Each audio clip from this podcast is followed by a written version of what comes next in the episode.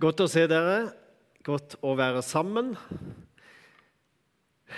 I dag så har jeg tenkt å si noe om det å gå inn i Guds nærhet, eller være i Guds nærhet. Hva skjer der, eller hvordan opplever vi det? Hvordan eh, ser vi på det? Og hvordan, ikke minst, ser Bibelen, eller sier Bibelen noe om det? Og jeg tror det er viktig, det med Guds nærhet. Um, jeg tror at uh, vi kan lære masse av hva Bibelen sier. Jeg har tenkt å ta to historier fra Det gamle testamentet. Fra en av profetene. Um, det er Elia, profeten, står i første kongebok. Uh, det er to historier om han. Han levde ca. 800 år før Kristus. Um, han levde under flere konger og han hadde alvorlige ord å fortelle til samtida si og hva som kom til å skje framover. Han var en viktig skikkelse i sin tid. Han regnes som en av de største profetene holdt på å si, i flere religioner, faktisk. Både innen jødedommen og innen kristendommen, og til og med under islam. Så er Elia en stor, stor profet. Og mange har lytta til han, ikke bare da, men i all ettertid. Um, og Den første historien den uh, kommer her. Da kom Herrens ord til Elia. Dra bort herfra, ta veien mot øst og gjem deg ved bekken Kerit, øst for Jordan.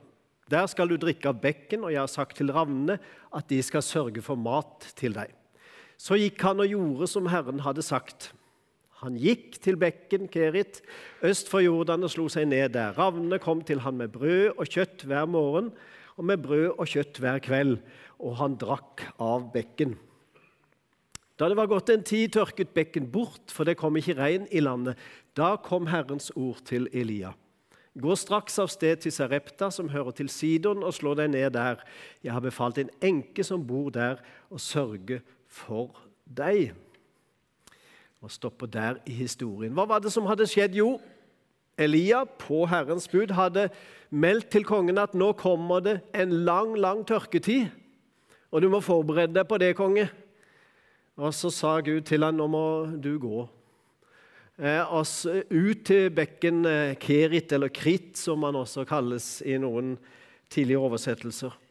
Og Der var han alene etter å ha utfordra hele samfunnet med kongen i spissen på tørketid, for det var et vilt liv som kongen i Israel hadde levd, og det fikk noen konsekvenser av det. Og så er Elia ved bekken, og jeg syns det ser han for meg der. Vann og brød og kjøtt. Holdt på å si vann og brød. Det er vel det sånn myte, det er sånn fengselskost. Det har vel sjelden vært det. Eh, men jeg tenker på en annen forbindelse egentlig som Bibelen sier om nattværen. Vin og brød. Altså enkle midler, enkel kost. Og allikevel så symboliserer det noe kjempeviktig. Der skal jeg sørge for deg. Jeg skal til og med bruke ravnene så de kommer til deg. Altså, Gud har kontrollen over alt.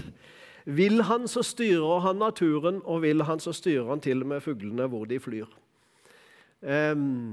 Jeg kikka ut vinduet her om dagen, foran der vi bor, og det er lang gresslette foran der. Og så tenkte jeg du verden, dette har jeg aldri sett før. Det var masse taksvaler som fløy på kryss og tvers, og det var fullt av de altså. Det var liksom ikke bare én og to og fem, det var sikkert 50, kanskje 100, som kryssa over jordet og jeg har aldri sett det fenomenet. Så tenkte jeg på Gud befalte ravnene at han skulle fly med brød og med kjøtt.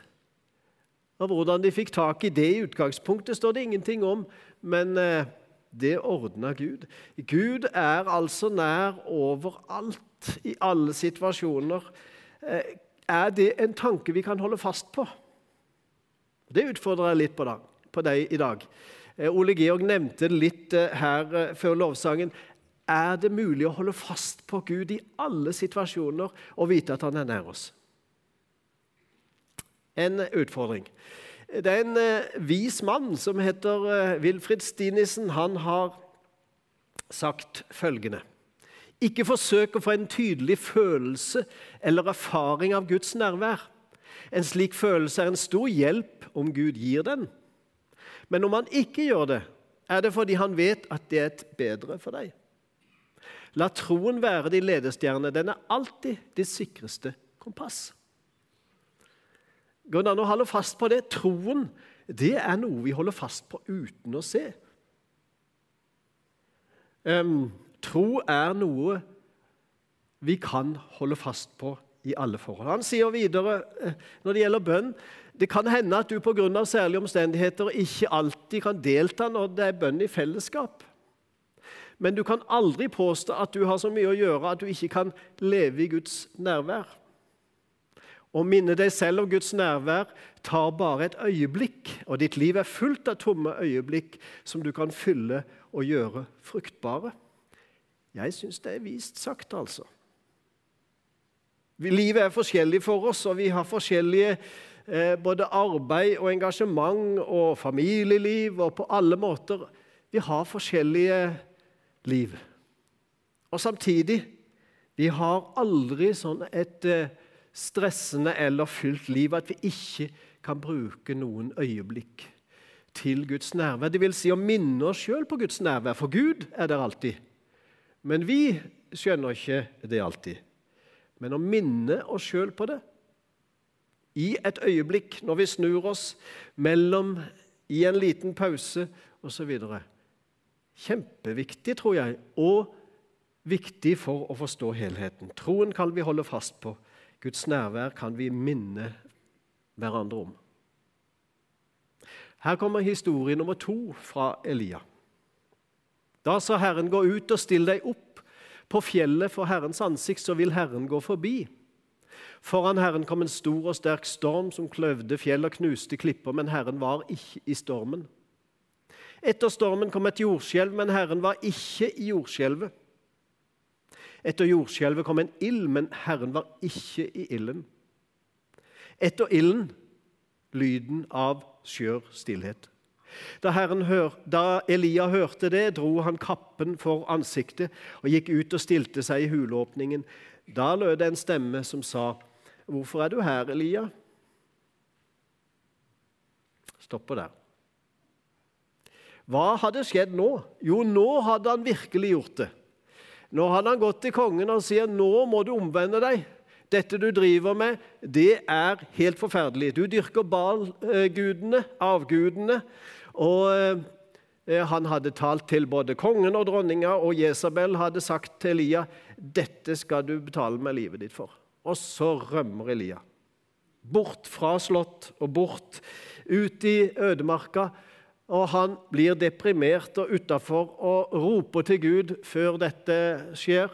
Nå kan du bare ta mitt liv, nå orker jeg ikke å leve mer. Nå kommer jeg til å bli drept allikevel. Det, kanskje det var bedre at jeg ikke hadde uh, drevet med dette jeg gjør i det hele tatt. Altså, han ble helt ute av seg, den store profeten. Elias, som det er skrevet så mye om. Elias som gjorde så store under i Guds navn. Nå er han helt utslått, holdt på å si helt ødelagt innvendig. Og Så sovner han et sted, og så vekker en engel han opp, og det står vann der, og han sovner litt igjen, og så begynner han å gå. 'Du må komme deg videre', sier engelen, 'for du skal langt.' Og Så kommer han til denne hulen, og så skjer dette her.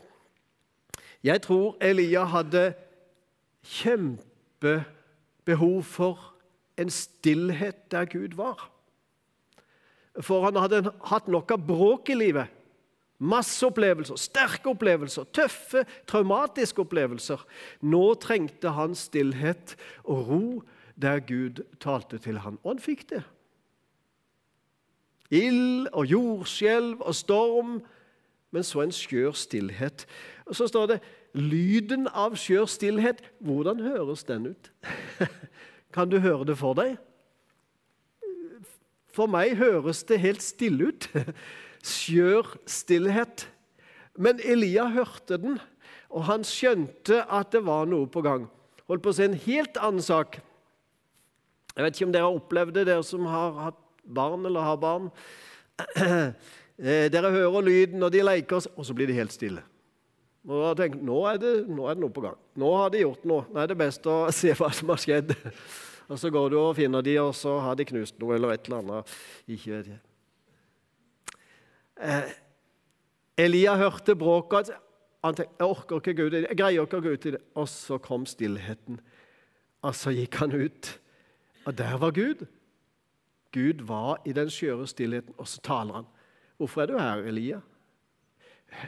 Stille med et sånt spørsmål, tenkte Elia. Han stiller det flere ganger hvis vi hadde forfulgt teksten videre.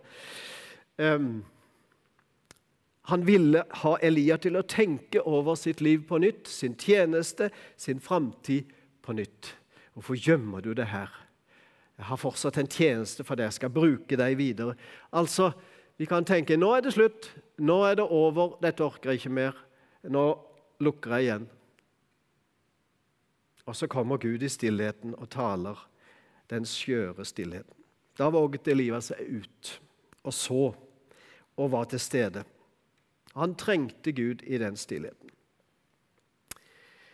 Gud kan også være i stormen, altså. Det er ikke noe i veien for det.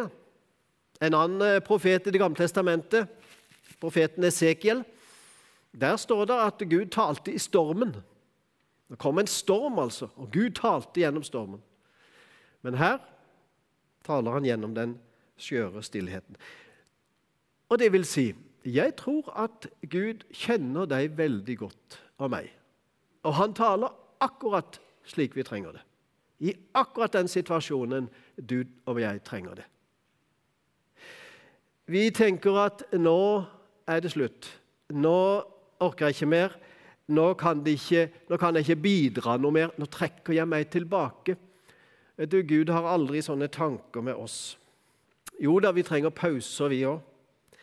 Men eh, det er aldri noe sånn avslutning i livet med Gud der vi ikke er brukbare mer, eller der vi ikke kan være til hans tjeneste mer, eller leve i hans nærhet mer.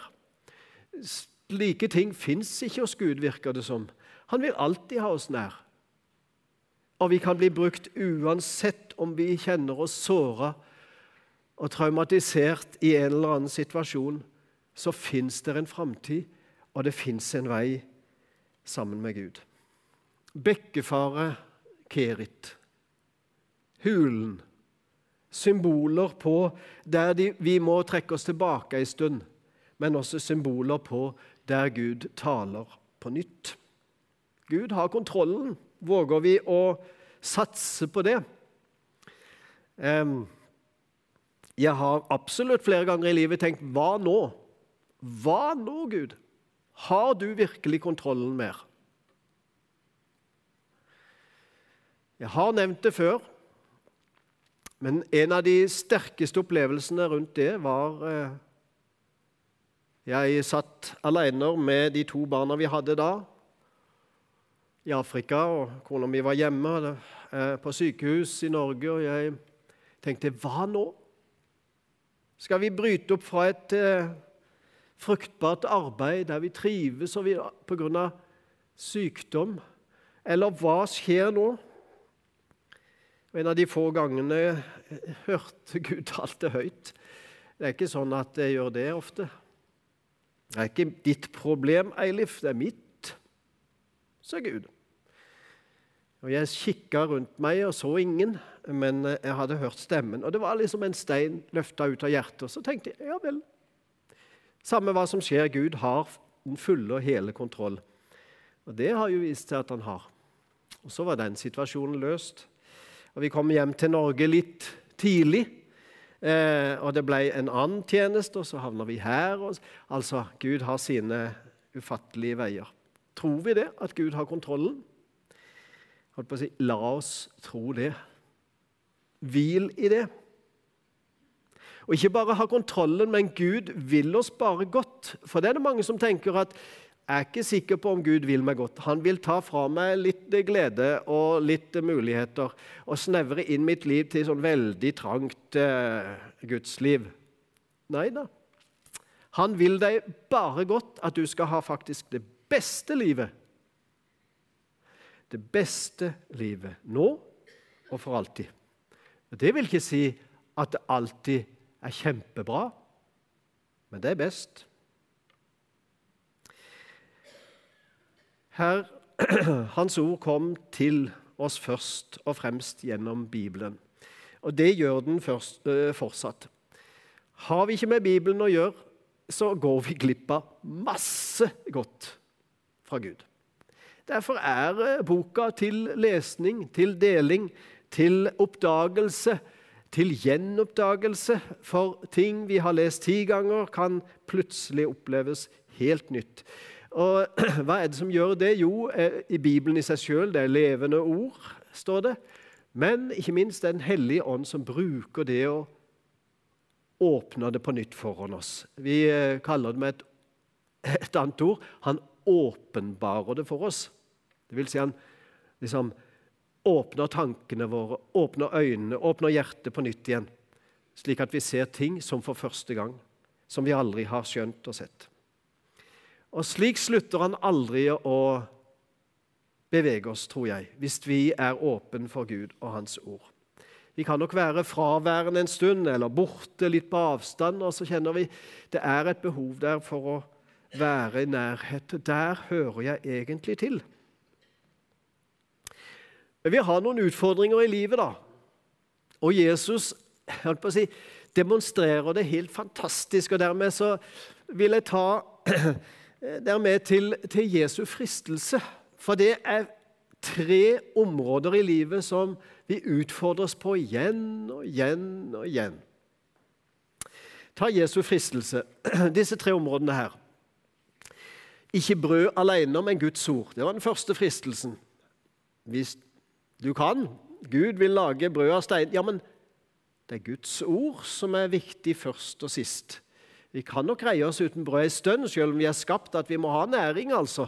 Men Guds ord greier oss vi ikke uten hvis vi skal ha et liv med Gud. Nummer to ja, hvis du hopper utfor her kommer fristeren til Jesus og sier så skal englene ta Ja, men du skal ikke utfordre Gud. Du skal ikke prøve å manipulere Gud. Vi kan kanskje til en viss grad ha mulighet for å manipulere mennesker. Det skal vi heller ikke gjøre. Eh, men det er mulig å få til ved gode talemåter, og overbevisende atferd osv. Mange blir manipulert, dessverre. Men Gud skal du ikke prøve å manipulere. Han lar seg ikke manipulere. Bare slipp den tanken med en gang. Vi kan ikke styre eller befale Gud. Vi kan be til han. Vi kan rope til han. Men han har kontrollen uansett. Og han ser meg, mer enn meg og deg uansett. Gud har oversikten. Det tredje Hvis du tilber meg, sier djevelen, så skal jeg gi deg alt. Fins ingen mulighet, sier Jesus. Det er bare Herren din Gud du skal tilbe. Bare Han. Det er Han som har all makt. Han er over alt og alle. Slik skal det være. Og På disse tre områdene tror jeg vi sliter før eller siden. Vi søker det jordiske mer enn det som gir liv for evig og alltid. Vi har en, eh, en tanke om at ja, men hvis jeg bare gjør det sånn eller sånn, eller roper på den måten eller ber på Så vil Gud gjøre Altså en slags eh, sånn eh, styring av Gud. Gud er ikke sånn.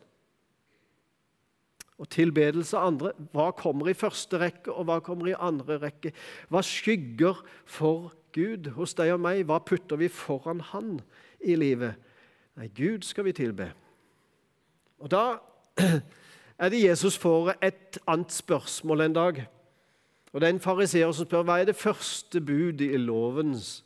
Hva er det liksom det første og viktigste? Og Da kommer Jesus altså og sier noe om eh, Han gjentar egentlig en del av den jødiske trosbekjennelse. Der står det sånn Du skal elske Herren din Gud av hele ditt hjerte, av hele din sjel, av all din forstand. Og elske de neste som deg sjøl. På disse to bud hviler hele loven og profetene, sier Jesus. Så det er noe som kommer først. Gud skal vi tilbe og elske. Hele hjertet, dvs. Si det jeg hengir meg til, mitt innerste, mitt første, min første kjærlighet, mitt første forhold. Hele min sjel, alt det jeg er. Selvbevisstheten min. Det jeg er utenom det fysiske. Og min forstand, hele mitt intellekt, hele min tankeverden, hele min kognitive kapasitet, det skal jeg vende mot Gud. Er det noe igjen da? Nei, det er hele meg, sier Jesus. Skal vi vende mot Gud? Det er klart det blir Guds nærvær av sånt. Hvordan greier vi det? Nei, vi greier det ikke alltid. Og Her eh, mislykkes vi gang på gang på gang. og Derfor fins Guds nåde. Vi kan komme tilbake til Han om igjen og om igjen. Og Han gir oss aldri opp. Men vi skal ikke bare bli der foran Gud som det er bare meg og Jesus. Ja, det er flott. Men det er ikke bare det. Vi har vår neste. Og Jesus knytta det sammen på en fantastisk måte. Vi kan ikke bare holde det for oss sjøl. Vi kan ikke bare tenke på oss sjøl og Gud. Nei, det er noen ved sida av oss. Det er noen bak oss, det er noen foran oss. Det er folk rundt oss på alle kanter, enten det er familie eller venner eller storsamfunnet osv. Og vi skal elske vår neste som oss sjøl. Altså slik vi tar hånd om oss sjøl framfor Gud, slik skal vi hjelpe vår neste til å finne veien. Og kanskje bare tjene med en god handling osv. Så, videre. så jeg skal gi den samme mulighet som Gud har gitt meg. Den skal jeg være med å legge til rette for andre. Gi det videre, alt godt, i min tid, i din tid. Å tro dette her, det er å åpne for Guds nærvær. Å tro er rett og slett å åpne hjertet for Gud og holde fast på det. Trosdimensjonen åpner for Guds nærvær. Men det er alltid Gud som har elska først. Det er alltid Han som er størst, og jeg får komme inn i Hans nærhet. Det er som sola og månen. Vi er bare et gjenskinn av hva kraftkilden og lyskilden egentlig er, som treffer oss, og så kan vi skinne videre. Men Gud er først og sist og størst. Han er alfa og megastoff, begynnelsen og enden. Han er overalt og langt større enn jeg greier å fatte og tenke og forestille meg. Og Dette kan vi holde fast i i tro. Troen holder fast både i nådeperspektivet og i skapes, skaperperspektiv og i frelserperspektiv og i alle ting som Gud møter oss med. Troen holder fast, oss fast i det. Derfor er det godt når vi kan spørre eh, tror du på Jesus. Et enkelt sånt spørsmål. Hvis vi kan skrive Ja, det gjør jeg. Vet du hva vi gjør da? Det står at vi skal bli frelst ved det. Hvis du tror og bekjenner, så skal vi bli frelst. Det er ikke vanskeligere enn det. Så det å holdt på å si, rekke livet i den gode retning, i Guds retning, og si at 'jeg tror på deg', Herre, ta hånd om meg. Jeg holder det. Og så vil Gud vise deg nye måter å gjøre det på. Guds nærvær, følbart eller ikke. Guds tale, hørbar eller ikke. Kanskje bare en skjør stillhet. Ja, Kanskje den ofte kommer i stillheten som hos Elia. Dette kommer til oss overalt og når som helst. Tvil aldri på at han vil deg godt. Når vi går ut her i dag, så har vi sikkert mange tanker. Kanskje du har opplevd dette som en god stund i Guds hus. Kanskje du har hengitt deg til sangen og tenker at her var det godt å være. Men nå går jeg ut fra dette stedet. Gud går aldri fra deg. Han er like mye med deg på trappa her og hjemme og når morgendagen kommer og når natta kommer. Tvil aldri på at han er der du er. For du og jeg, vi er små skapninger. Han er overalt hos sitt skaperverk. Han som kan befale ravnene. Tenker du, er det mulig? Ja, det er mulig. For han har skapt dem. Han vet akkurat hva han gjør. Han kan være hos deg i din situasjon, på ditt sted, på din måte, slik du trenger det når som helst og hvor som helst. Og av og til bare i en skjør stillhet. Tror du det? Amen. Herre Jesus, takk for eh, at vi kan vende oss mot deg. Oppleve ditt nærvær, eller bare vite at vi er i, ditt, i din nærhet. Og Herre, kanskje det er nok for oss. Og så har du noe å si oss, kanskje bare som er til oss av og til. Som bare gjelder meg. Og så er det meg du taler til. Du ser den enkelte av oss, vi som er så små i den store sammenhengen. Og så har du omsorg for oss, den enkelte. Det fins ingen som går glipp av dine øyne. Og du er der for å støtte og gi hjelp og frelse og gi framtid og håp. Herre, hjelp oss å tro det. Hjelp oss å ta imot det. Amen.